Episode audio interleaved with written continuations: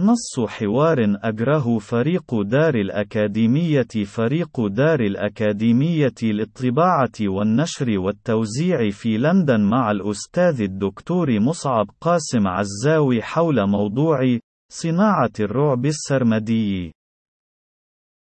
فريق دار الأكاديمية ما هو رأيك بتصاعد معدلات العنف والجريمة في العالم الصناعي المتقدم؟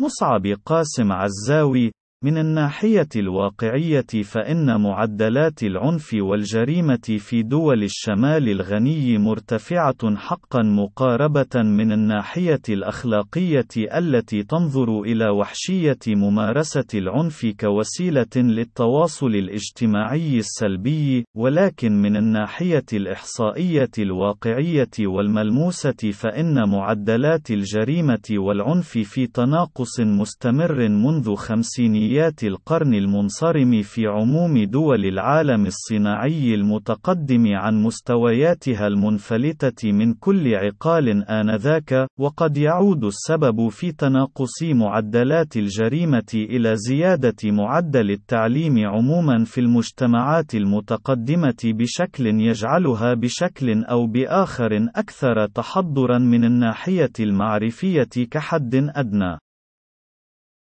وعلى المقلب الآخر فإن معدلات العنف والجريمة في المجتمعات الغربية لا تزال مرتفعة مقارنة بمجتمعات تقع في مناطق جغرافية أخرى لأسباب أخرى لصيقة بحالة التردي المستمر للنسيج الاجتماعي لتلك المجتمعات الصناعية المتقدمة في مرحلة الرأسمالية الوحشية المعولمة، والتي يدعوها البعض الليبرالية المستحدثة، والتي تنظر إلى المجتمع كغابة لا بقاء فيها إلا للأقوياء، ولا مكان فيها للفئات المستضعفة، التي لا تستطيع اجتراح بقائها بالقوة في خضم تلك الغابة الوحشية، وهي حالة من التردي تمثلت في سقوط فئات واسعة من الطبقات العاملة سابقا، وشرائح واسعة من الطبقات الوسطى الوسطى إلى قعر الفاقة وحتى الجوع الحقيقي في غير دولة من دول الشمال الغني خلال العقود الأخيرة القليلة، منذ تصاعد الليبرالية المستحدثة في ثمانينيات القرن المنصرم، والتي قد يكون مثالها الأكثر وضوحًا حال الملايين من المشردين الذين لا مأوى لهم في الولايات المتحدة ومثلهم مئات الآلاف في المملكة المتحدة أيضًا. أيضا وهو الواقع المأزوم الذي يحول الإنسان في خضمه إلى كائن بيولوجي لا هدف له سوى الحفاظ على بقائه البيولوجي المحض، وهو ما يعني استقالة من قدرات الدماغ الجديد والقشرة الدماغية ما قبل الجبهية التي تميز البشر عن أقرانهم في مملكة الحيوانات، وخاصة أبناء عمومتهم في فئة الرئيسيات الذين يتطابقون معهم من الناحية المورثية بنسبة قد تصل إلى 99% كما هو الحال مع غوريلا الجبال، وقردة البانوبو والشمبانزي والغيبوني،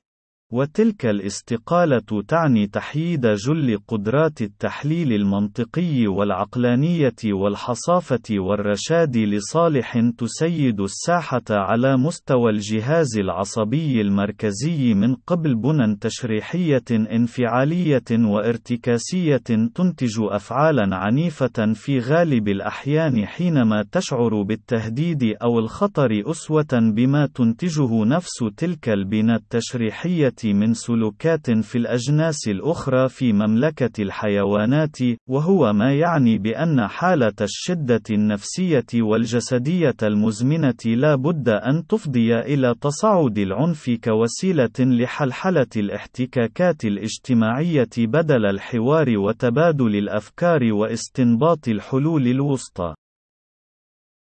ومن ناحية أخرى لا بد من عدم إهمال الحقيقة المهمة المتمثلة في تركيز وسائل الإعلام المتسيدة وحتى الطرفية منها بشكل مجهري مبأر على أي فعل عنفي في المجتمع كجريمة قتل أو ما شابه ذلك، بشكل يظهرها في حجم أكبر من حقيقتها بكونها حدثًا ذي نسبة شبه صفرية بالنسبة لعدد السكان في مجتمع ما، وهو التركيز الذي لا بد منه لوسائل الإعلام لملء ساعات بثها وصفحاتها بمادة إعلامية سهلة التحضير الإعلامي، بالإضافة إلى جاذبيتها للنظارة بمختلف شرائحهم، إذ أن عقول بني البشر مبرمجة بشكل بنيوي لالتقاط أي مشعرات في المحيط البيئي والحيوي قد تشي باحتمال وجود خطر ما قد يهدد حياة واحتمالات عيوشية العضوية، وهو السلوك الذي تشرف عليه اللوزة الدماغية في منطقة الدماغ المتوسط، والتي تدعى باللغة الإنجليزية أميجدالا،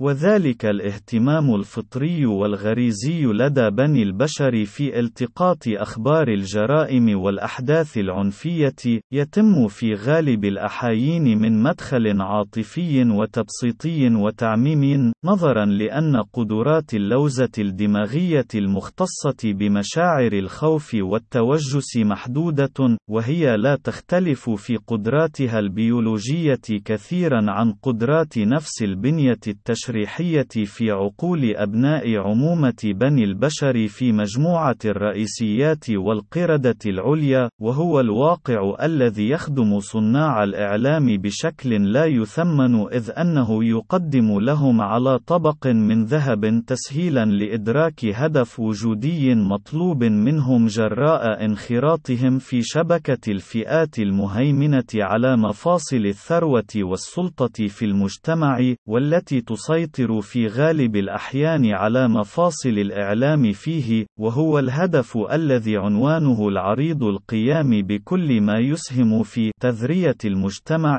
وضمان عدم تكشف الأفراد في المجتمع لقدراتهم الخارقة في تغيير موازين القوى إذا تمكنوا من حشد ذواتهم اجتماعيا وتنظيميا، وليس في الواقع أسهل وأكثر نجاعة في إبعاد شبح ذلك ذلك البعبع السرمدي الكامن في مخيلة الفئات المهيمنة والمتمثل في إدراك الفئات الشعبية لمفتاح قوتها المتمثل في تحولها من قطيع من الأفراد إلى مجتمع حي يدرك أهدافه ومستعد للتحرك من أجل تحقيقها من توطيد الخوف المقيم في كل زوايا وتفاصيل العلاقات الاجتماعية في المجتمع وتعزيز تعزيز ذلك عقليا ونفسيا عبر التكرار وتخليق منعكس اشتراطي بدائي في كينونتهم العصبية يجعل من التوجس صنوا لا يبارح في نسيج أي علاقة اجتماعية يمكن أن يرتبط بها فردان أو أكثر وبشكل يحول دماغ بني البشر المبرمج للحفاظ على النوع من الاندثار والانقراض إلى أداة للعمل ضد مصلحة. مصلحة أولئك البشر، ودون أن يعود ذلك في غالب الأحيان.